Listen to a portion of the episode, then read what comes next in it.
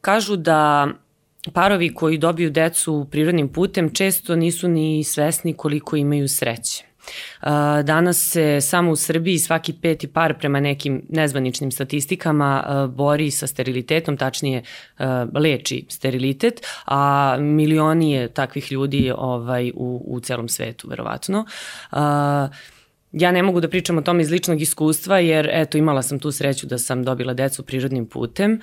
Međutim, naše današnje gošće, Sandra Jovanović, IVF konsultantkinja, je li tako, bivša da ne pogrešim, direktorka Centra za vantelesnu oplodnju, bivša predsednica Udruženja šansa za roditeljstvo i osnivač tog udruženja Jeste. će nam pričati o tome kao i Tamara Roksić, psiholog, psihološkinja, žena koja radi sa parovima koji se spremaju da uđu u proceduru proces, vantelesne, van proces vantelesne oplodnje koji prolaze kroz sve to, a verujem i oni koji su prošli, pa im treba i dalje malo, da kažem, saveta, pomoći, razgovora. Um, ono što je uh, Sandra za tebe specifično jeste što ti, osim što se baviš uh, van telesnom ovako da kažem i stručno sad, to ti je na neki način i posao, jel? Ne varam se.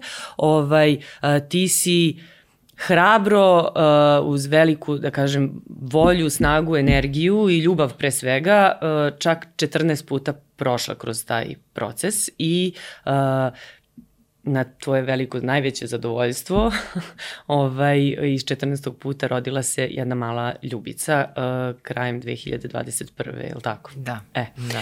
Uh, možda da nam kažeš samo sad kad se setiš svih tih pokušaja i uopšte prolaz, prolaska kroz, kroz tu proceduru, uh, šta je ono što prvo pomisliš? Da li, da li ti je u glavi uh, Sad naravno imaš dete i verujem da bi uvek rekla uh, ponovo bih prošla sve to zbog nje, ali ovaj, uh, da li tu ima još nešto? Nije sve tako crno i belo, pretpostavljam, u, u tim situacijama. Pa nije, ne znam kako to da objasnim, ali prvo nikad se to ne zaboravi.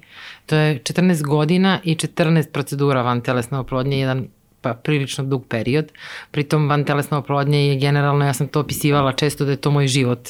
Znači ne samo privatno, već je to bilo i poslovno. Moj, negde sam i poslovno bila i ranije povezana, ovaj, jer sam i vodila udruženje, bila direktorka centra za van telesnu oplodnju, bila neprekidno u komunikaciji 7 godina sa parovima koji imaju problem sa začećem i ja sam vodila svoju ovaj, bitku i sada se i dalje bavim van telesnom oplodnjom, ovaj, možda iz jedne, jedne druge pozicije, ali ponovo je van telesna moj život a s druge strane sam neko ko je to uspeo posle toliko pokušaja i nisam i dalje uspela da izađem iz van telesne oplodnje, mislim da nikad i neću i uh, ono što si lepo rekla, to je na, nije to tako završeno, jednostavno se ne zaboravi.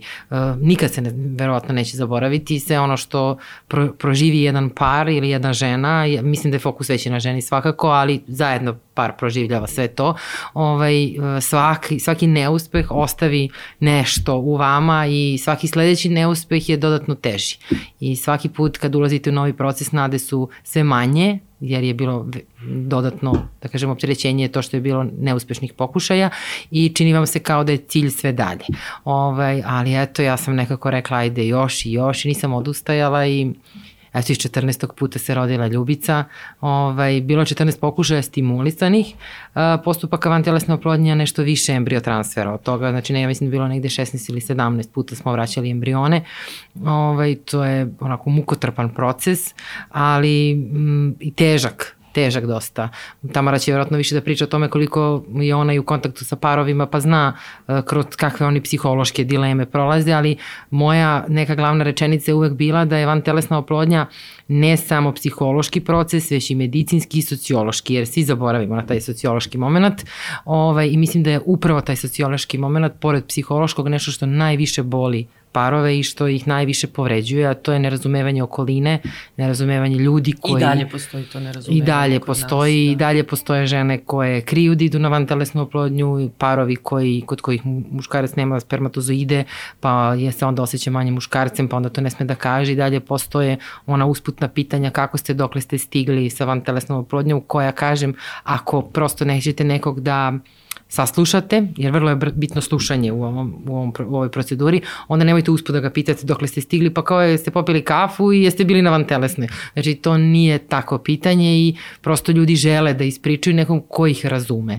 I mislim da od mene i sada, na ovoj poziciji gde sam sada, apsolutno dobijaju to razumevanje i to je ono što ja mogu da im pružim, jer znam koliko je važno da, da neko bude saslušan, jer mnogo puta ja nisam bila saslušana u raznim klinikama i na, na raznim mestima i to vam prosto nedostaje.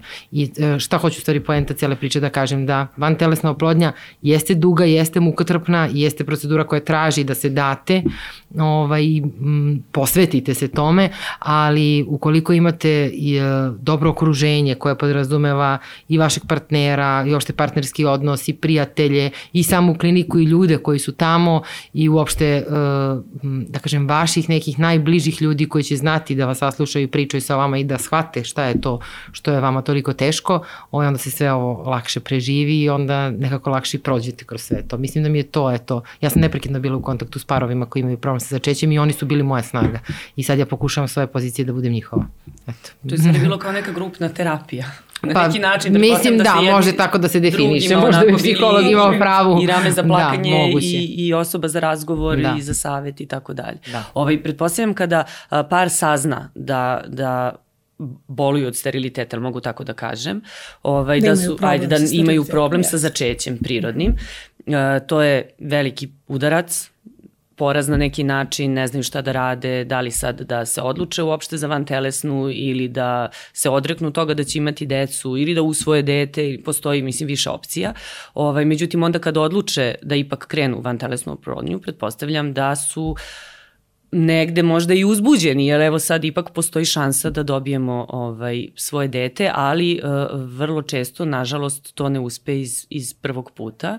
Uh, kako vi onda pristupate njima, Tamara? Šta im vi kažete? Kako da, da nastave dalje? U prvom momentu je to svakako šok. Jedan veliki šok sučavanje sa tom, da kažemo istinom, da postoje problemi, da se prirodnim putem ostane u drugom stanju. Uh, A, najčešće parovi tada krenu u ispitivanja, medicinska istraživanja a, i prvi, prvi pokušaj su pokušaj da se putem van telesne oplodnje krene putem da se dobije sobstveno potomstvo. A, ono što treba parovi da znaju, trebalo bi da znaju da je to a, više maraton ili polumaraton nego neka uh, sprinterka. Da, evo imamo i Sandrino iskustvo, ali to je, to je nešto što je više uobičajeno. U početku misle da će sve biti u redu iz prvog pokušaja, drugog, trećeg i tada nema nekih značajnih, da kažem, psiholoških problema. Tek kada se doživi nekoliko uzastopnih neuspeha, tada počnu psihološki problemi da se umnožavaju, da se javljaju. Tada krenu prve anksioznosti, tada krenu depresivne raspoloženja. Ono što se mi trudimo to je da naši, eh, da kažem, klijenti prođu kroz ceo taj postupak što lakše, da imaju prostor da vide da njihova raspoloženja nisu jedinstvena, da je to nešto što je običajeno, da je to nešto što je očekivano, da postoje načini da se prođe kroz, da se prođe kroz sve te turbulencije na jedan lakši način i da da prosto, prosto postoji pomoć u svemu tome. Oni se vama, pretpostavljam, obraćaju tek kada krenu te faze i stanja ovaj, Jeste, e, različita Dilema su iskustva. I, da, da. Različita su iskustva, postoje žene koje na prvi pogled nemaju velike, velike probleme, ali su svesne toga da je osvešćivanje i sam razgovor da će im biti lakše. Da će im biti lakše i da će im biti od koristi. S druge strane, postoje žene gde bih ja odmah preporučila a, terapiju i razgovor koje to nisu osvestile. Mi to ostavljamo na odluku klijentima. Dakle, kada će one da krenu, kada će da osete potrebu da, da prođu, odnosno da pođu u proces psihološke podrške, savjetovanja. Najčešće je to posle, po mom iskustvu, posle treće, četvrte bezuspešne vantelesne oplodnje. Bilo bi e, dobro da bude od prve, ali... Bilo bi dobro, ali to se redko, to redko prepoznaje redko prepoznaje kao realna potreba, da li još uvek nije blisko ljudima da traže psihološku podršku i pomoć, ali posle treće, četvrte neuspele van telesne plodnje, ove, traži se pomoć stručna. Najvažnije je da oni znaju da imaju tu mogućnost da se Jest. nekome obrate i da sa nekim Jest. razgovaraju. A šta vam najčešće kažu? Šta, su, šta im se naj, najviše mota po glavi? Pretpostavljam, mislim, različiti su uh, muškarci i žene, par, da li dolaze ja. zajedno ili dolazi samo ovaj buduća mama, da, da tako e, kažem? E, najčešće da. dolaze žene. Nekad dovedu i partnera kada, kada je to njihova zajednička odluka, nekad žene smatraju da je potrebno da dođe partner, pa se onda ne pojavi niko. da. pa se onda ne pojavi niko. Uglavnom, e, najčešće su to velike krivice, griže savesti, to su anksioznosti, to su potrebe da se drži pod kontrolom sve što može da bude od uticaja, pa i ono što ne može, ali se pretpostavlja da može. Posle nekoliko uzastopnih negativnih pokušaja javljaju se depresivne raspoloženja. Ono što se mi trudimo, trudimo se da im olakšamo da olakšamo, da jednostavno sve te, e, da kažem, nezdrave emocije pretvorimo u zdrave, da tugu odtugujemo, pa da idemo dalje, da anksioznost ne bude anksioznost, nego da bude jedna zdrava zabrinutost o e, realnim problemima. Jednostavno pratimo klijentkinju i idemo za njenim potrebama. To je suština psihološke podrške. Kad kažete osjećaj krivice, kakve krivice? Žena smatra da je ona kriva što je izgubila bebu ili što ne može prirodno da začne Šta to znači krivica? Žene smatraju da, nisu, da su krive zbog toga što ne mogu prirodnim putem da ostanu u drugom stanju. Ovo sad različiti su razlozi. u današnje vreme žene se školuju primjer radi, do 25. godine, onda do 30. godine a, se trude da se profesionalno osamostale, da steknu neku, neku sigurnost. Sve to vreme se trude da ne ostanu trudne to nam današnje vreme koje je, rekla bih, prividno blagonaklono prema ženama, nameće. Je li tako? E onda se odjednom susretnu sa situacijom da ne mogu da ostanu trudne. Onda imaju krivicu zbog toga što nisu ranije saznale za problem, pa imaju krivicu zbog toga što recimo zadržavaju svog partnera da bude u njihovoj vezi, a možda bi neka druga žena mogla da mu podari dete. Različite su tu priče e, raznolike, a svaka individualno vrlo teška. Sandra, si imala i ti takvih e, nedoumica? Da, naravno. Mislim, da, da objasnim to, ja mislim da ne postoji žena koja se suočava sa problemom neplodnosti, a da nije razmišljala o tome da kako to da objasnim, da možda je najbolje da se raziđemo, da će, da jednostavno želim da ga oslobodim. I tako, mislim, prosto sve zavisi od uh, nekog korena problema. Uh, ukoliko je kod muškarca problem, ovaj, onda je to drugačija situacija, ukoliko je kod žene problem, onda je malo drugačija situacija, ali poenta priče je da u stvari je to zajednički problem, a ljudi to redko shvataju.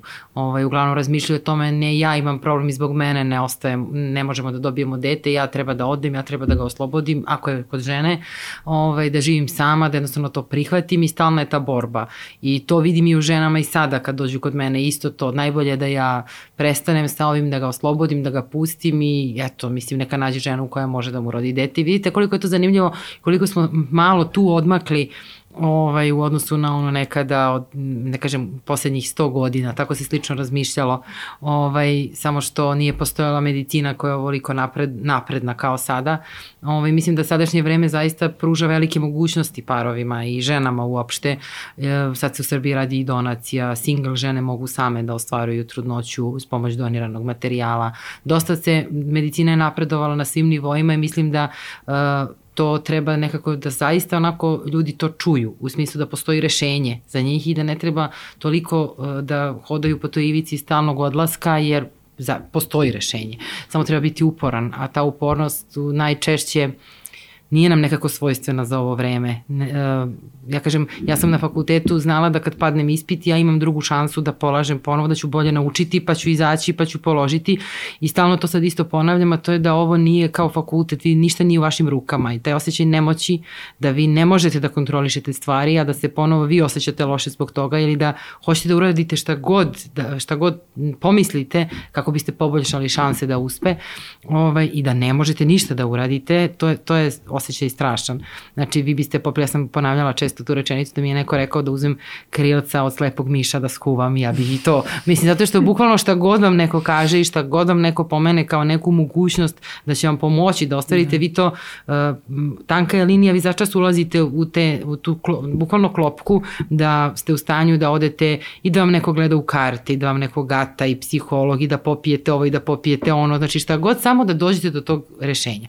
Jer imate utisak da gubite kontrolu nad tim. Ja kažem, želja da kontrolišete je mnogo nezgodna ovde zato što zaista ne možete da kontrolišete ništa. Uh, tako da psihološki osjećaj krivice jeste najvažniji. Mislim da to negde definiše, pretpostavljam, proces van telesne oplodnje, osjećaj manje vrednosti u odnosu na druge žene. Jer po Bogu druge žene lako ostvaruju trudnoću, po Bogu druge žene uh, abortiraju, jel tako, prirodno ostvaruju trudnoće, yes. ovaj, ne trebaju im deca, vi to gledate i vi se osjećate nedovoljno dobrim za ovaj svet uopšte, jer po Bogu zašto ja ne mogu nikako da ostanem ni van telesnom, jel tako? Posebno je meni bilo traumatično lično ovaj, e, situacija, pošto ja sam sticam me, okolnosti prosto morala da izvadim jajovode i to je, ja sam to živjela kao jednu sterilizaciju žene, kao gubljenje žensk, ženstvenosti, bukvalno. I to je meni bio neki prelomni trenutak, to se desilo posle šeste vantelesne oplodnje i zaista sam to, ja mislim, onako, možda čak teže podnela nego, jer to je bukvalno odvajanje od onog trenutka kad vi nikada nećete bukvalno moći ni čudom da ostanete prirodno u drugom stanju, nikada u životu. Tako da teško je nositi se s tim, bar meni u, toj situaciji bilo.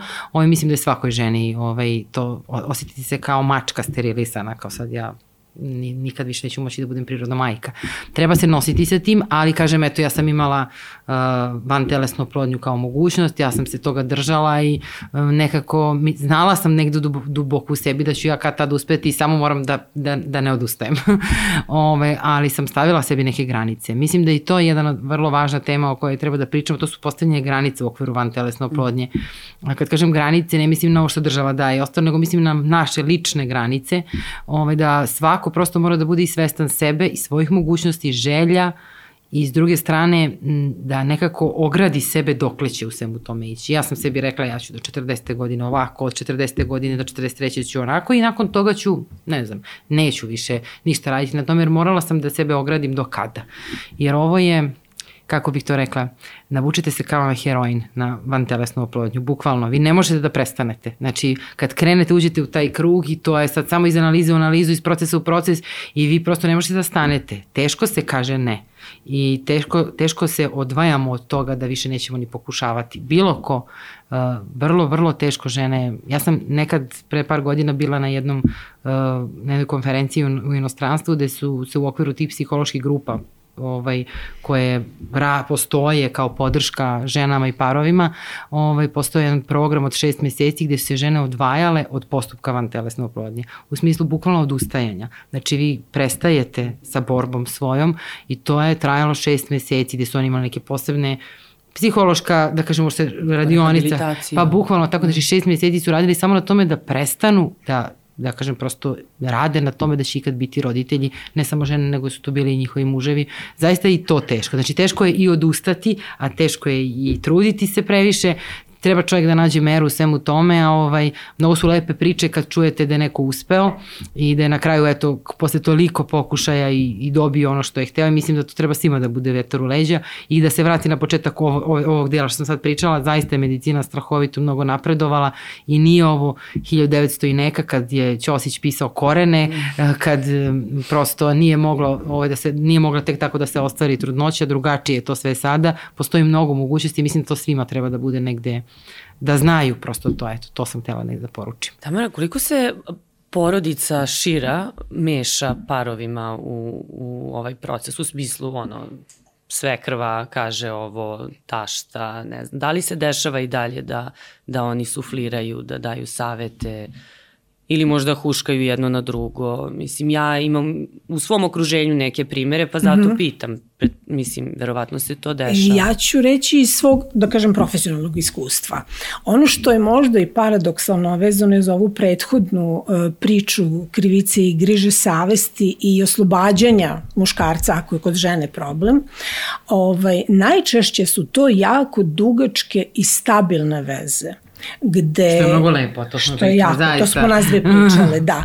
Što je, gde dobijenje potomstva uopšte nije presudno za opstanak te veze.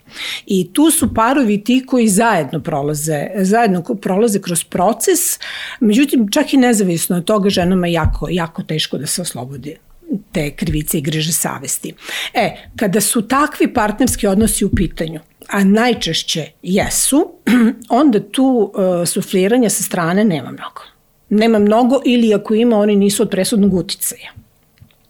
E sad, naravno da kod nas postoje očekivanja da jedan da. brak donese potomstvo, da se obezbedi prezime, loza, ko će da nasledi, je tako? Da, da. Tako je.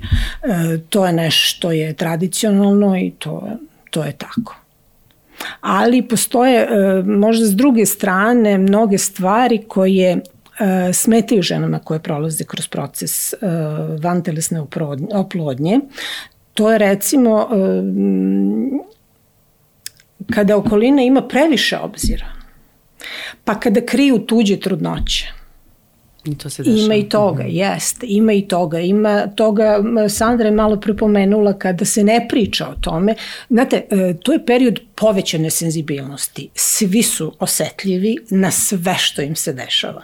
Ako se previše interesuju, zašto? Ako ako ovaj, prećutkuju, pa ja nisam invalid, zašto se to od mene krije, ne želim da budem žrtva, to je moja borba, ja kroz to hrabro idem. Prosto, a, mnogo tu stvari, a, u stvari sve što se dešava, sve je smetnja. Čak i kad se pacijentkinja ili klijentkinja nazove gospođicom, sve je smetnja. Šta će drugi da pomisli, da li ja imam muža, da li ja nemam muža, da li ja da. Da smo mi u braku, da, da li smo u braku, da li nismo u braku, da li ja idem na proces uh, sa doniranim ćelijama. Sve je veoma osetljivo. Da, onda I sve nije čudo, nije čudo kako vantelesna u stvari postane nečiji život kao što je Da, nije. Zato, kažem, upadnete začas u tu zamku jer prosto meni je uh, dosta smetalo ovaj, recimo to preterano uplitanje i pitanja uh, bliskih ljudi, u smislu čak roditelja mojih, svekrve, brata, neko ko mi je vrlo blizak. Mm. Znači, zato što previše me je to gušilo. Imala sam utisak kao da oni sad prolazi njima je sad oni hoće da predstave to kao jednu strašnu tešku borbu i njima, a u stvari nikom ne može biti teže nego meni i mom mužu. Ovaj, tako da, e, poslednja vantelesna oplodnja, bukvalno niko nije znao da smo išli na vantelesnu oplodnju, jer sam to, to, to tako hteli, jer to ume da bude na balast onako koji vi nosite, jer uh, prosto vas pitaju ljudi koji uopšte nisu u tome. Znači oni čak i ne znaju. Uh, s druge strane, često sam to pominjala, moja majka je vrlo lako stvarila trudnoću. Ona je moja majka, ja nju najviše volim, naravno moja kuma isto. To su žene koje su vrlo, vrlo lako stvarivale trudnoću i one ne mogu da razumeju to. I ja potpisujem da nijedna žena koja je, je, je lako ostvarila trudnoću ne može da razume drugu ženu koja nije lako, ne može da ostvari lako trudnoću. Bilo je mnogo ljudi sa kojima sam ja pričala koji upravo imaju takve probleme sa ljudima koji prosto to ne razumeju i onda kažu neke pogrešne stvari ili rečenice koje vas duboko zabole ostave zaista ogroman trag. Meni u jednom trenutku jedna prijateljica rekla šta ti znaš pa ti nisi majka kao kad budeš bila majka pa ćeš onda znati. A je znala da si Znala je, da, mislim, to je bila jedna od rečenica. Pa onda, ne znam, bila jednom jedna prijateljica koja je bila trudna mi smo izašli nešto je bilo hladno i ovaj uh, i ja kažem ajmo još malo da ostanemo, ne mogu ja sam trudna, ti nisi bila trudna pa ne znaš, je l' tako? Znači to su možda nekom ne, do, ne tako strašne rečenice, ali osobi koja prolazi kroz to, ja sam se raspala tada plakajući, zato što sam imala jedan ogroman znak pitanja u svojoj glavi da ja uopšte ikad i biti trudna, je l' tako? Ovaj, I nije potrebno to dodatno. Onda bilo je situacija kada nas recimo nisu pozivali prijatelji na dečji rođendan, jer Bogu mi nemamo dece, pa šta ćemo na dečijem rođendanu, ovaj, da, i situacija kad su se kreirale tuđe trudnoće ili kad se obazrivo prilazilo da se kaže da je neko u drugom Trud, stanju. Priprema. Ali je to vrlo važno da se razume da žene u, u ovoj borbi nisu ljubomorne na druge žene. Znači ja ne osjećam nikakvu ljubomoru kad e, čujem da je druga osoba u drugom stanju. Ja sam samo tužna što ja nisam. Znači, nema to nikakve veze sa njom, u tom smislu ja sad kao ja ću sad da se pojedem, jer ne, ne, nego prosto samo reflektujete na sebe i postavljate pitanja sebi da li ćete vi ikada biti. I to je mnogo teško stanje i posle neuspeha van telesne oplodnje, jer vi u tom procesu koji traje 15-20 dana u potpunosti date sebe i posljednja tome snage i svega što ste ulagali, bukvalno to je to. I onda kad ne uspe, nakon toga potrebno je vreme da se povratite jer to je jedan ogroman pad i ja mislim lično da je psiholog u tim situacijama tad najvažniji. Znači, priprema je jedno entuzijastično stanje i sam postupak je jedan entuzijazam pun nekih dešavanja. A plus Jer vi stalno nešto radite i pockate se i primate hormone terapija. i tako da. dalje. E onda nakon toga sledi iščekivanje koje je prilično statično, jer vi samo čekate i osluškujete svoje telo da li sam trudna, da li sam trudna, nešto me žignulo, nešto me zavolilo, malo sam ostila grudi, mora da jesam, mora da nisam, danas jesam, sutra nisam i stalno je tako. Ovaj, a kad se onda pokaže da je neuspeh, ja sam imala situacije da mi stigne negativan nalaz beta HCG-a posle jednog van telesnih, kažem, laboratorija je pogrešila. Znači, to je pogrešeno 100%. Znači, ma nema nema šanse, ja, sam, ja, ja osjećam da sam trudna i to je to. I, ovaj, i onda odem u drugu laboratoriju, onda sam imala te ono, situacije sujeverja potpuno gde ne idem u iste laboratorije da radim beta HCG, jer po Bogu tamo je bilo negativno, neću tamo da idem. Ovaj, tako da, mislim, to su stvarno neke onako sad je možda nama smešno, ali tad nije meni bilo uopšte. Ovaj, e, mnogo je osetljivo, kako, kako kaže i Tamara, prilično senzibilno ljudi, ja sam u tome bila mnogo osetljiva i znam šta me je sve bolelo i zato kažem, najvažnija stvar je saslušati te ljudi i razumeti bar njihove potrebe. Ima nas različitih, neko možda više prija da priča, ima parova koji vole da pričaju sa drugima, ali njih nervira kad vi ne razumete šta je njih, njima tu zasmetalo. Znači, ako van telesno i pričaju van telesno i sad kaže, e, sad taj doktor nam se nije posvetio ili nije uradio to i to, a vi ga ne razumete jer ste jednom u životu bili kod kardiologa i ništa drugo niste, hvala Bogu, imali da kod lekara radite, onda onda bolje da ne pitate takve stvari ili da, ili da ih saslušate kako treba i da shvatite koliko i najmanji loš odgovor sestre neke medicinske ili neki njen pogled može njima da znači mnogo, u smislu, aha, ona me pogleda, ali tako sigurno nešto zna, da je nešto loše s mojim nalazima i ona, mislim, razumete koje su to da. prosto neke, ovaj, tako da sve je prilično osetljivo, od doktora, preko medicinskih sestara, do vaše uh, percepcije situacije koja je potpuno iskrivljena u tom, u tom periodu. Posle kad se to završi, onda shvatite vidite koliko je možda trebalo lagodnije ući u sve to, ali nije moguće. Znači, zaista nije moguće da se potpuno odaljite od tog procesa. Ja sam se odaljila onog trutka kad sam kapitulirala i kad sam rekla prosto, ja verovatno nikada neću biti majka. Mm. Moraš sada da se suočiš s tim, to je posle 13. pokušaja, moj suprug imao koronu, zaglavio je u bolnici, uh, to je bio doba korone, baš doba korone, ovaj, i bio na korak do respiratora, a ja sam bila u sred stimulacije van telesne oplodnje. I ja sam u trenutku kad njega hospitalizuju se brinula za to što on neće moći da da uzorak. Znači, meni je veći problem u tom trenutku bio, bio da. Uh, da li će on moći da da uzorak, jer on ima, ima temperaturu 40 hospitali, da, bit će hospitalizovan, ali on neće moći da da uzorak. Znači, i onda kad je on, toliko mu se pogrešalo stanje, ja sam onda otišla kući i stala ispred ogledala i rekla, dobro, da li ti hoćeš više da budeš majka, jer verovatno možda nikad nećeš biti majka posle velikih pokušaja, ili ti je važan čovjek koga voliš više od, od života, bukvalno. Rekla sam, dobro, mi verovatno nikada nećemo biti biti roditelji i ja sad to moram da prihvatim. I dok je on bio u bolnici, ja sam imala tako jedno prihvatanje toga da mi verovatno stvarno ćemo se odvojiti od toga da ćemo biti roditelji. E onda se on oporavio, izašao i onda je on sam rekao još jednom i to je to, ja ne mogu više. I to je bio taj još jedan. Da li je, mislim da je to čak zbog toga je uspelo, ali stvarno onda dignete ruke i kažete ja, vero, neće biti ništa od ovoga, onako uđete u to kao jedan proces koji je osuđen na neuspeh, očekivanja su verovatno nikakva i onda tad se desi uspeh.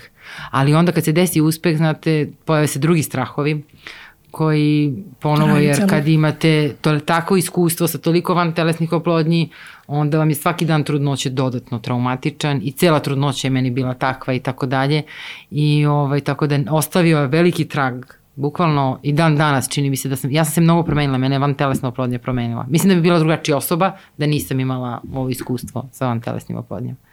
Pa sigurno, to je veliko iskustvo, koliko god da je bolno s jedne strane, sa druge strane opet stigla je ljubica na kraju. Jeste, tako da, da, je to da, da, ali kad god nju premija. pogledam, recimo, ja isto pomislim da li, dešavala mi se da kad se rodila, ja ležim pored, pored nje i razmišljam, meni će neko nju da uzme. To ni, ovo nije stvarno. Meni će, znači, Paranoični strahovi ne Paranoični prestaju. strahovi se nastavljaju. Znači, i dan danas pomislim kad je pogledam tako, bože, da li ovo dete zna koliko sam ja nju čekala i da li ona treba ovaj, I tu sam morala da imam razgovor sama sa sobom, da se to prosto ne prenese na nju. Jer taj ogroman strah da. i svi strahovi koji su je vodili ka njoj, ne treba da se reflektuju na njen život sada. Da ja budem paranoična majka i da nje napravim, ne znam šta, ne želim da to je prosto ni ona kriva sve, zbog svega toga. Ovaj, zato se trudi maksimalno da ne budem baš takva kao paranoična majka. Ovaj, mislim da uspevam u tome, ali kažem, eto možda imala dva, tri meseca kad sam ja stala ispred ogledala i rekla sebi vrlo glasno i jasno, ovaj, da li ti hoće da upropastiš ovo, de, ovo dete zbog tvojih tolikih pokušaja? Znači, ona mora da plače. Shvati, mora da plače. znači, Da, beba mora je. da plače, beba je. Znači, onda, ne znam, mora da je zaboli nešto, da dobije neka temperaturu, da padne i tako dalje. Ako to ne budeš shvatila, to ide, vodi u propast.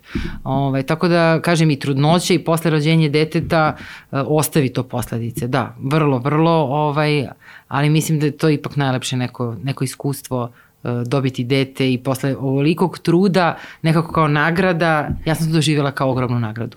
Mislim kao jednu nagradu za moj trud, ogroman i on, ono što je ona meni pruža sada je potpuno da. nezamislivo i naravno da bi pet puta ponovo sve, ovaj, samo da se, da se dođe do nje opet. Ali ne znam da li bi ponovo u vantelesnu oplodnju sad po, sa, sa njom, to je jedin, jedino pitanje. Da, to, to sam htela kasnije da te Da, pitam. to- samo to nisam sigurna baš da bi. Da, samo da, ovaj, uh, da se nadovežem na ovu priču. Tamara, kako smirite uh, trudnice, te buduće mame koje posle uh, više neuspelih uh, procesa konačno zatrudne i trudnoća je stabilna, da tako kažem, znači teče sve ide svojim tokom, ali i kod njih se javljaju strahovi koje je Sandra pomenula. Kako ih vi smirite, kako, uh, na koji način da one izbegnu tu brigu ili bar da je umanje? Ono što je potrebno to je da se anksioznost koja je prisutna i jako velika, eh, na neki način pretoči u jednu zdravu zabrinutost. Znači da se stvari dovedu u realne okvire. Da se stvari dovedu u realne okvire i da sve eh, što, što dolazi sa strane kao ajde da kažem, kao neke automatske misli, e, ruminacije, da se jedna po jedna otklanja. To je jedini način da se prosto ublažava. Mi tu ne može, nema čarobnog šapića. Nema čarobnog šapića, prosto se e, žene koje prolaze kroz proces van telesne oplodnje i kasnije kada dođe do, do uspeha i trudnoće, prolaze kroz e, tu takvu vrstu trudnoće, da se rasplaše, da se rasterete, da, da jednostavno vide da sve to što im se dešava je normalno dan po dan. I Da. I bukvalno jeste dan po dan. Zato Dan što po dan. Doživlja, tako proživljate trudnoću dan, iz dana u dan. Znači samo da svaki dan bude dobro i da se izgura još i da se strahovi sve dođe su veliki i nerealni i jako je važno bukvalno svaki proraditi jedan po jedan eliminisati. Jedan manje, sledeći će sačekati pre nego što se pojavi. Bukvalno tako. Da, ali to je dug period, 9 Jeste, meseci, svaki jeste. dan. iz Ali dana u trudnoća iz dan, van telesne oplodnje je ista. Znači to je ono što negde postoji neki mit i u narodu, to, to je izvan telesne trudnoće. Kao da, zna- znate šta mislim, ne postoji razlika između trudnoće izvan telesne, osim ovog strahova i ostalog. Da. Ne postoji nikakva razlika, znači ta trudnoća je i je identična. Ovaj, bebe su isto bebe, to nisu veštačke bebe, to su bebe samo dobijene Bebe, bebe. van telesnom oplodnjom. ovaj, strahovi jesu veći, ali kažem, nema potrebe ni prilaziti tome sa tolikim strahom, aha, izvan telesne, razumete? Mislim, uglavnom su doktori recimo na mene reagovali kad sam ja bila u drugom stanju, 14. van telesna, znači kao da je sad, Da, da, mislim, da, da. razumem ja to, zato što i njihov strah se automatski povećava, sam, ali to prenosi, onda se prenosi i na mene i onda je to dodatno onako, pritom je meni zaista i bila visoko rizična trudnoća, ja sam od šestog meseca pet i pa meseci bila u bolnici, ušla u bolnicu, pa posle bila tri meseca u bolnici i tako. Ranije se porodila sve što je moglo da se desi, desilo se onako, ali hvala Bogu završilo se sve dobro, ali mora nekako da se nađe neki mir unutar, da vi, da žena sama sa sobom bude mirna, ovaj, da bi se to guralo kako treba. Uh, ja sam imala posle desete van telesne oplodnje jedan spontani pobačaj u 11. nedelji trudnoće i to je bilo jedno tako strašno iskustvo. Ja kažem, uh, te, lakše je dobiti negativnu betu u smislu u startu znati da niste u drugom stanju, nije uspelo, nego ostvariti trudnoću i onda imati spontani pobačaj nakon toga, to je, imate ogroman skok emocije, ushićenja, uspeha i tako dalje i onda jedan takav pad ovaj, da je to, meni je trebalo godinu dana, meni i suprugu da se povratimo posle spontanog pobačaja i meni je to ostavilo recimo veće strahove uh, za trudnoću kasniju nego neuspeh. Ovaj, jer sam se ja stalno, ja imam što Očekivala. slika, sa ultrazvukova iz trudnoće, znači ja mislim da ih je bilo više od 40, ovaj, gde sam ja bukvalno na 6-7 dana išla, trčala u obližnji dom zdravlja da mi rade ultrazvuk kogoda da koštao, samo da ja vidim da čujem srce da radi, da je beba rasti i da je ona tu. Ovaj, I to je meni bilo kao terapija. Ja sam to, ja sam ženi ginekologu koja me videla po ko zna koji put rekla ponovo ste ovde. Ja kažem, molim vas, ja samo ostavite sondu da, da. da čujem ništa drugo. Ovaj, ona kaže, ovama ovo dođe kao terapija. Ja kažem, e, bukvalno tako. Znači, meni je samo bilo važno jer to bila moja sigurnost, da ja čujem bebino srce, da znam da ona raste i onda sam mirna. Sledeće I onda sam ja mirna ponovo. neko vreme, pa će doći ponovo trenutak, pa će ponovo da dođem.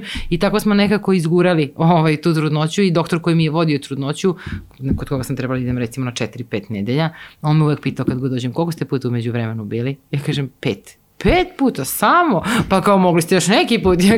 I tako se to smanjivalo, onda me na kraju stavi u bolnicu, rekao je sad svaki dan više puta trudno ovaj ultrazvuk i tako dalje, ali eto, mislim, kažem, izguralo se, ne, ja sam našla način kako da se sama nosim sa, sa tim mojim strahovima nekako, nije bilo lako uopšte. Ovaj, mislim da ni jedna trudnoća u tom smislu posle van telesne nije laka, ovaj, ali da žene moraju da nađu način kako da se nose, da budu srećni, da budu zahvalne, jer nažalost posle uspešne van telesne oplodnje ne dozvolite sebi ni malo sreće. Eto ja sebi nisam dozvolila 9 meseci da se nasmejem, da budem srećna što sam trudna i stalno sam ponavljala rečenicu da sam sebe zamišljala u jednoj šarenoj haljini na cvetićima kako hodam parkovima i šetam trudna. To je bila moja neka ideja a ni jednom se nisam prošetala, ni jednom nisam bila u toj haljini i sve, cijela noća je protekla u tome, u strahovima i nekim strepnjama i mnogo mi je žao što nisam ni malo uživala u, u eto, u stvarenju, to jest u, u svojoj trudnoći. Baš, eto, to, to mi nekako baš nedostaje. Dobro, ima ih koji prirodno začnu pa ne uživaju mnogo u trudnoći. Da, tako, ako ima, te nešto da. desi. Naravno, da, ali kažem, eto, ja sam imala kao neku tu sliku u svojoj glavi da, da. kad budem jednog dana ostala, to, to me vodilo svih ovih 14 van telesnih oplodnji, a na kraju, eto, nije moglo da bude ni to onako bezbrižno. Uh, Ovaj, ali dobro, na kraju, najvažnije je u stvari da je ona dobro i da je da, sve da, ovaj, da jeste, to, to, to, je, to je svakako najbitnije. E, više puta smo pomenuli koliko je važna podrška, podrška okoline, naravno prijatelja porodice, ali i podrška partnera je ipak nekako na, tu na pjedestalu, jer on je tu i jedan od učesnika, je tako, i, i prolazimo to sve, prolaze u stvari zajedno. Da li se dešavalo da dođe partner, budući tata kod vas bez, bez ovaj, uh, mame i da traži savet kako da ju pomogne zbog tih, eto tako, strahova, raznoraznih faza koje prolaze i tako. Da ima, ima takve situacije. Nema, nema baš da dođe tata, budući tata bez mame, ali da on iskaže svoju zabrinutost, imamo, imamo takve situacije. Kada je recimo mama na hormonskoj terapiji, buduća mama, na hormonskoj terapiji, pa recimo je u tom periodu euforična, vesela, očekuje sve najbolje, pogotovo u tim nekim ranim, a partner bude jako zabrinut. Šta ću sa njom ako ne bude sve kako treba? A onda ona recimo nije zadovoljna kaže on se ne raduje sa mnom, on ne učestvuje sa mnom, ima različitih situacija. Da, ja sam imala situacije dok sam bila u centru za vantelasno upravljanje gde su mi dolazili muškarci za savet ne psihološki, mm -hmm. da se odredim, ovaj, to su uvek bila onako pozitivna iskustva, ali najčešće su to bile situacije kada muškarci imaju problem u 90%, znači sa lošim spermogramom, u smislu da je potpuno azospermija, gde oni nemaju spermatozoide, gde se oni boje za opstanak veze, u smislu da li će da ga ostavi, da mm, nije uopšte fraza kad kažem da oni muškarac to doživljava kao atak na svoju muškost, loš spermogram. Isto kao je žena. Znači, to je, on je manje muškarac i među drugim muškarcima i kod svoje žene. I to je ono što njih, i onda u tim situacijama oni posežu za traženjem rešenja, onda. Češće se dešava kada je loši spermogram u pitanju, znači kad problem potiče od njih, nego kada je problem kod žene da on bude prva linija. Ali ponovo, da li je muškarac ili je žena, žena je ponovo više na udaru, jer iako je muški problem, ona će prolaziti hormonsku terapiju i sam proces i tako dalje, uz pomoć njega. Ovaj, naravno da je on tu partner, ali kažem, mnogo naravno ređe dolaze muškarci, ali bilo je dosta primjera muškaraca samih koji dođu ili koji su inicijatori toga da treba da se reši problem. Čak je bilo situacija gde žene nisu želele uopšte da dalje, prosto utera su da žive bez dece i tako da je, da on uporno želi dete, a ona neće. Mislim, ređe su naravno, ali bilo je dosta takvih situacija. To sam htela sada da pitam, ali za drugu stranu, koliko se često dešava da je muškarac taj koji kaže dosta mi je više i cimanja i lekara i hormona i tako dalje, ajde da se vratimo normalnom životu i da nju ubeđuje da, da prestanu. Ali ima nije mi palo napad da ima i žena koje ima, kažu. Ima i žena, znate, ja, ja kažem, ja sam žena ovaj, i zaista cenim ovo sve što mi prolazimo i tako dalje, ima žena koje su prilično surove u, ovo, u ovom postupku kada je, kad je problem kod muškarca i koje koriste situaciju tu on, da, to što on ima problem i te situacije mi se nikada nisu sviđala, bilo je više takvih. Ovaj, a isto tako ima muškaraca koji koriste ženu koja ima problem i je ružno je kad postoje takve situacije da ih izvučemo i jesu one manji primer naravno. Najčešće u 90% slučajeva su to brakovi koji su stabilni, gde jedan drugome da, izlaze u susret u smislu gde meni ja bez mog muža ne bih izdržala 14 van teletnih oplodnjih. Znači on je bio neko ko je bio kamen temeljac i koji je bio stup sve vreme pored mene i ja stvarno nisam mogla dalje bez njega. Ali žao, žao mi je kad vidim žene koje same guraju bukvalno kada muškarci prosto ne žele i najčešće su to neke manje sredine gde žena gde uopšte ne znaju ni kako da urade neku analizu. Zamislite koliko je teško nekom malom mestu gde se svi poznaju, svi se poznaju bukvalno, gde on uradi spermogram. I da. zamislite koliko no, je to da koliko je to strašno. Znači, oni, on kad ode na šalter ili kad bi u privatnom laboratoriju njega zna osoba koja tamo radi, njima je to strašno. Znači, još najgore kad dođe nalaz koji nije dobar. Znači, to su ozbiljni, zaista ozbiljni problemi koji se potpuno preslikaju na brak i na njihov odnos zbog toga. On ne želi, ne možda zbog nje, nego prosto ne želi da ga ljudi, drugi ljudi vide. Mi još nismo izla, izašli iz, te, iz tog malog građanstva. Ovaj, Beograd jeste veliki grad, ali je s druge strane postoji, nije Beograd cela Srbija. Znači ima mnogo ljudi u manjim mestima koji imaju mnogo, mnogo tih so, socijalnih problema koji se posle nekako prebace na psihološki problem. I onda oni odbijaju i lečenje i kakav psiholog, pa ću ja da idem da me neko leči, Jer oni, recimo, Tamaru doživljavaju da. kao neko ko... I onda ja uvek krenem s tim da objasnim da prvo lepili, pa da je to, treba, da, znači da, da. to ne treba ne, niko njega da leči, ovo je samo podrška, ovo je samo mala pomoć. Da. Ali ljudi zaista imaju različitu percepciju svega toga i treba onako obazrivo sa njima, naročito na početku. Ovaj, kasnije se to malo sredi, ali na početku bude prilično problematično. A kako je moguće da je van telesna i dalje tabu? I, je li to samo vezano za našu sredinu ili možda toga ima i na zapadu i u nekim drugim ima zemljama. Ima svuda. Ima svuda. Ima i na zapadu, to je isto jedan mit. Ljudi misle u Norveškoj, u Holandiji i tako dalje, tamo su ljudi, ni, ni tamo ljudi gledaju ovaj, na vantelesnu oplodnju. Ne, ne mogu da kažem sad kao kod nas, malo je možda mhm. bolje, ali kod nas se i dalje smatra da je beba iz van telesno, e, pazite i mediji, evo vi, sada recimo, često novinari koriste veštačka oplodnja, veštačka. Nikom, meni više to ne smeta, ja to znam šta to znači, ali kada neko sluša i veštačka oplodnja nekom znači i veštačka beba. Veštačka beba. E sad oni to sad onda dalje idemo. Sledeći korak, a to je aha, veštačka, u laboratoriji je neko napravio nešto veštačko. Ta beba automatski nije ista kao neka druga beba koja se dobije prosto žena prirodno ostane u drugom stanju i to onda ide to klub ko se nastavlja da raste i onda tu, kažem, nisu ljudi upoznati ni samom procedurom, sa procedurom, analize su im problem velike, ta stigmatizacija uopšte ljudi, to je ogroman problem, znači to su oni što nemaju dece. Znate, on, te, te i te žive u toj, e, oni što nemaju dete. Znači, i tako, prosto, ili oni što ima, ne de boče, kažem da uradi nalaz pa da stigne nešto lošiji nalaz, da selo čuje ili neko ma, malo mesto da njemu lošiji nalaz ili da njoj nešto nije kako treba. Sve se to krije, to je prilično onako još uvek tabu, ovaj, zato što m, se očekuje, patriarhalno nam je tako usađeno, porodica mora da ima porod, dete I ukoliko nešto tu nije, to, mislim, automatski njima nije dobro. Kao da bez deteta nije porodica. Da, Zašto? a što uopšte nije tačno, što uopšte nije tačno. Da. Ali imamo vrlo često situaciju da žene prolaze kroz ispitivanja raznorazna kada se da. par suoči sa sterilitetom i ona prolazi kroz ispitivanje godinu, dve, tri, da se nijednom ne postavi pitanje da li je možda problem i do muške strane, pa posle tri godine se recimo ispostavi da imamo smanjen broj spermatozoida, slabo pokretljivih, a da, a da je sa ženom u stvari sve u redu. Muškarcima je generalno jako teško u celoj toj priči.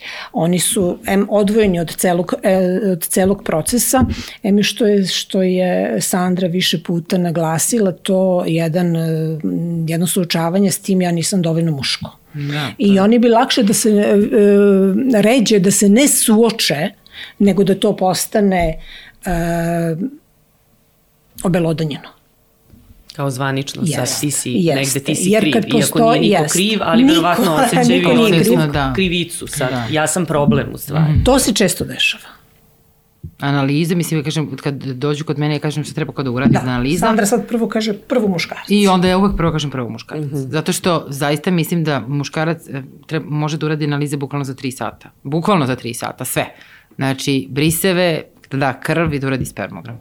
I vi ste njega da kažem, eliminisali kao problem. Ako da, je sve da. u redu, to je to, onda, onda ćete ženom posle toga, prosto ćete se baviti njom. Ali nekad i, ti, i ta tri sata su njima vrlo veliki problem. Bris kod muškarca, pa znate šta, šta je to, bris, to, je, bris? To je strašno. Bila jedna da. ove žena koja je mene zvala i kaže, može nekako to iz krvi da se uradi za njega. Ja kažem, ne može, to je bris, ali mora da postoji način. Ona hoće njemu da, ja kažem, gospođo, se vi to zalažete da njega, ne da Bože, nešto ne boli. Da. Ona kaže, da, mene mnogo, ja kažem, koliko ste vi imali pregleda pregleda do sada, koliko ste vi radili ultrazvukova analiza briseva, vadili su bockali ste se i ostalo, mislim, kako da vam kažem, pa jeste li njega će to mnogo da boli. Da, da, da. E, kako da vam kažem, muškarci su malo razmaženiji i tačno je, evo sad ćemo se sve tri prisetiti da kad muškarac dobije temperaturu yes. kod kuće, ovaj, iako imamo ovde muškarce okolo, da. ali moraju da, ovaj, da klivnu glavom, jeste sigurno, to je već on je na samarki. A zamislite, a zamislite kako je onda kad treba da uradi briseve da. i spermogram i da mu sve to stigne da bude obelodanjeno. Da ovaj, bude javno, gde je problem. Nije, ne mora samo to i preventivni pregled recimo kod urologa, zašto da ne, da ne urade povremeno, Naravno. mi idemo jednom godišnje ili jednom u šest meseci, čak ovaj, kod ginekologa na, na Njima kontrolne nije preglede. Potrebno. Ma kakvi to, nema šanse. Čak ni u urbanoj sredini, eto u da, Beogradu, da. ne govorimo maloj sredini gde se svi znaju pa će da gledaju popreko nego ovaj, mislim da je to i dalje. A ako onda pričamo o jednom levelu problem. više, a da. to su parovi koji, kod kojih recimo muškara zaista nema spermatozoide, znači oni su probali razne biopsije, hiruške intervencije, testi se izlačenje nisu nađeni spermatozoidi i taj par mora na donaciju spermatozoida, možete onda da zamislite koliko je to tek tabu. A ima mnogo takvih parova koji moraju na donaciju spermatozoida. Ima mnogo žena koje moraju na donaciju jenih ćelija. Znači, to sad prerasta jedan još veći tabu o kome tek ne sme da se ne govori se. Ovaj, I zaista mi je hrabro kad ja imam par koji dođe recimo kod mene i kad muškarac vrlo jasno kaže ja nemam spermatozidi, hoću da idem na donorski materijal i nemam nikakav problem s tim. Znači, lakše je žena koja ide na doniranu jenu ćeliju, nosi bebu, znači to je njeno dete, tu nema nikakvih, nikakvih dilema, ali prosto muškarci koji uz pomoć donorskog materijala njihova žena ostvaruje trudnoću su za mene onako i svi su vrlo sigurni. Ja do sad nijednog nisam imala koji je bio nesigurni, jer oni prođu put do tog trenutka vrlo ozbiljan i onda kad dođu, onda je to već, već u njihovoj glavi to zrela, Odlučan. zrela informacija. Ali suočavanje, svakako taj prvi, ono što ste vi na početku rekli, taj prvi trenutak je uvek šok Svima. Znači, i to je kao nemoguće da mi sad imamo problem. To je nemoguće da... Ne, ali gledamo recimo i, i na filmovima, a znamo iz ličnog iskustva, ono kad smo mlađi, pa roditelji upozoravaju, pa kad da. krenu odnosi, pazite, pa kontracepcija, pa... Pa prvo pa se pazimo od trudnoće. Mislim, ima i toga i dalje, jel tako? Ove, ovaj, I sad svi smo nešto onako u strahu od te trudnoće, od te bebe, kasnije imamo, ima ono što, što ste pominjali. Jeste završi fakultet, zaposli se, Jeste. ne znam, osamostali se, nađi svoj stan i tako dalje, obiđi malo planetu, vidi sveta. Aha. Ovaj, ali znate šta, ali, onda se dešava i da tražimo pravo vreme za dete. Jeste, A to je mnogo vreme, veliki problem. Vreme, Baš to, zato što se da, traži da. idealni uslovi. Sve što ste sada naveli, to je da imam posao, da završim fakultet, ili tako da, us, da sredim svoj život i da u pravom planiranom mom trenutku dođe dete. I to tako? bude oko 35. Ovaj, ali beba ne može, nikad nije pravi, najbolji, najidealniji pravi trenutak za to dete. Ni, mislim, prosto kako da vam kažem, i kad imate sve, fali vam još nešto malo da potpunite. I onda godine za čas prolaze. A godine su najveći neprijatelj van telesnoj oplodnje. Jeste, Najveći. Ali hoću da kažem, dešava se da neko ima taj problem i u 20. Dešava se. godinama. jel Ali to ne ili zna. Mlađi, ali to ne To zna. I ne sad zna. recimo neko kaže pa recimo tim muškarcu godinama. nekom, vi ne, nikad niste ni imali jel tako, ovaj, mogućnost da napravite dete, a on Da. da. nije ništa znao o tome jer je uvek onako se snebivo ili Da. za ženu ista priča. Ovaj, tako da to, to je onako neka ironija, da kažem, života gde sad, mislim, ne možemo da idemo da se proveravamo sa 20 godina, ali ovaj, A mislim da bi to je trebalo. onako, pa Mislim da bi iz trebalo. ove Mm. naše priče danas, ovaj, verovatno bi trebalo i možda bi nam bilo lakše ovaj, nekim Kad bi de, ljudima da devojke krenu na za, vreme. stvarno znale šta znači ova rilna rezerva, šta znači to da one troše svoje jajne ćelije od trenutka kad dobiju prvu menstruaciju pa do mene, menopauze, mislim da bi njima mnogo, mnogo bilo lakše jer uh, kad dođu žene kod mene u nekim godinama i onda kažu ja sad hoću da zamrzam svoje jajne ćelije, imam 40, 40 i nešto jer nemam partnera i tako dalje, to je mali, mala je šansa prosto, kako da vam kažem.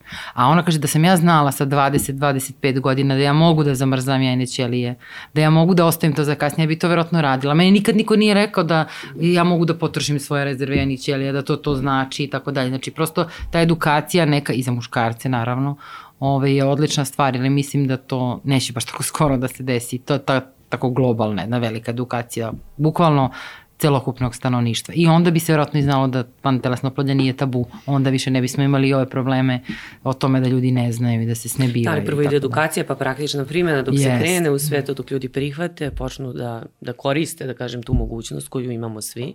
Ovaj, ko zna koliko Ali ono da- što je trend u današnje vreme u medijima, mi vrlo često se suočavamo sa nekim e, naslovima ostala trudna u 45, u 50, u 55 godina i onda se na taj način ženama daje neka lažna slika i lažna nada da je to moguće i da je to normalno i da je to vrlo lako izvodljivo u tim godinama.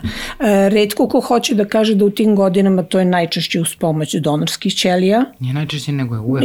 Nego je uvek upravo da. tako.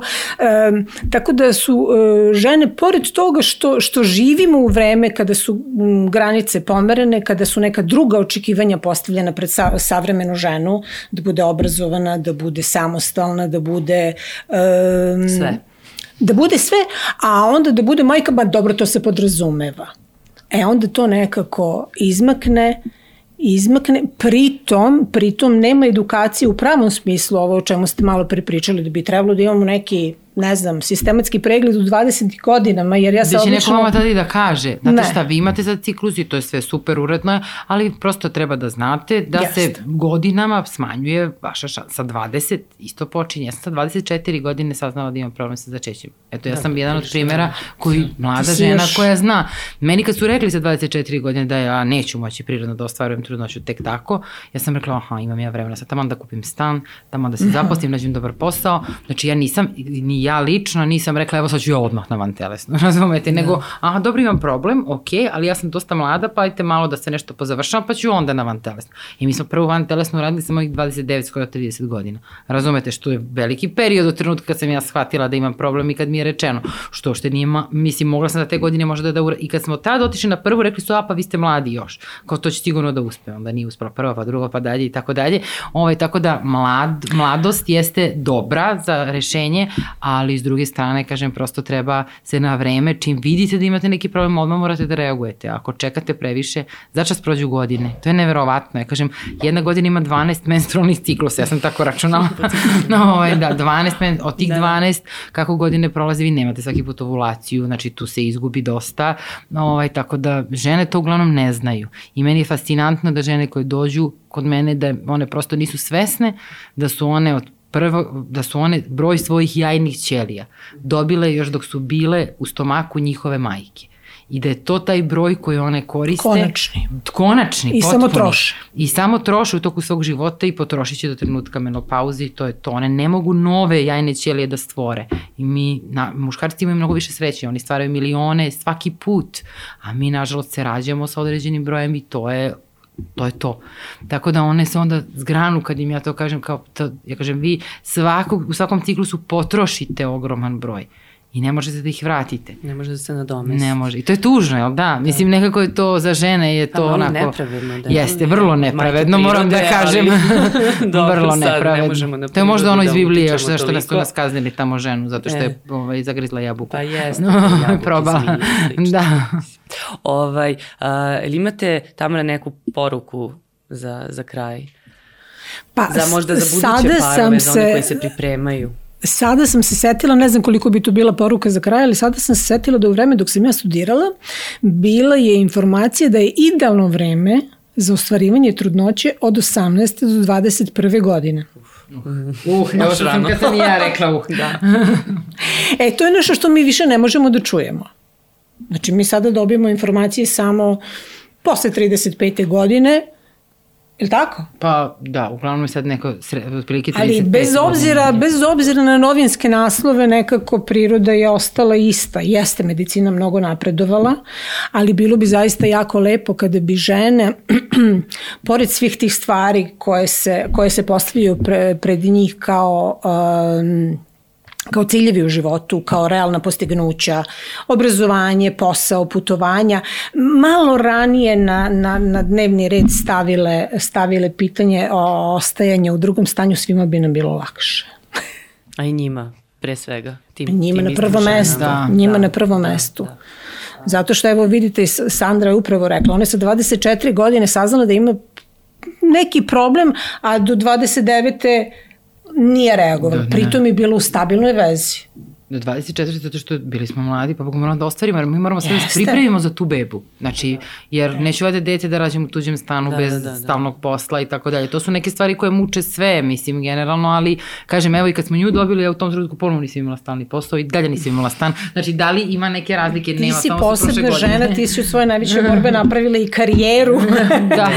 i sve. Da. I to vrlo uspešno. Izvukla je maksimum, Maksimalno. ja mislim. To je Da. pravi borac, Da. prava žena. iz svog iskustva daj ti neku poruku, neki savjet, eto, A, pa ja- parovima koji nas slušaju. Ja sam tamo, samo htjela da kažem da se moja čerka zove Ljubica, zato što smo ja i muž ceo, ceo, u, ceo ovaj put moj borbe toliko verovali u ljubav, ovaj, u stvari da nas je ljubav držala sve vreme i ona je dobila to ime baš zbog toga i od kad smo se upoznali rekli smo da će, će nam se čerka tako zvati jer se mnogo volimo i to smo gurali 14 godina i dalje.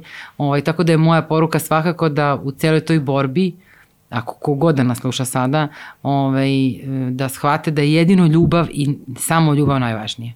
Jer ako nemate ljubav osobe sa kojom ste, ako vas ona ne podržava i ako tu ne osjećate zadovoljstvo, onda svi ostali faktori nisu važni.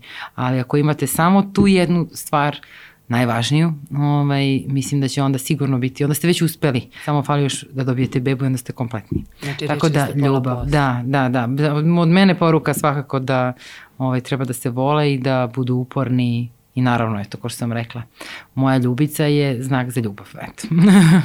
Jeste, bravo za Ljubicu i bravo Hvala. za, za vas. Hvala vam mnogo što ste bili u podcastu Mamazijanije. Hvala tebi, Ana, na pozivu. Hvala vama što ste bili sa nama. Mama, Ana, Ana,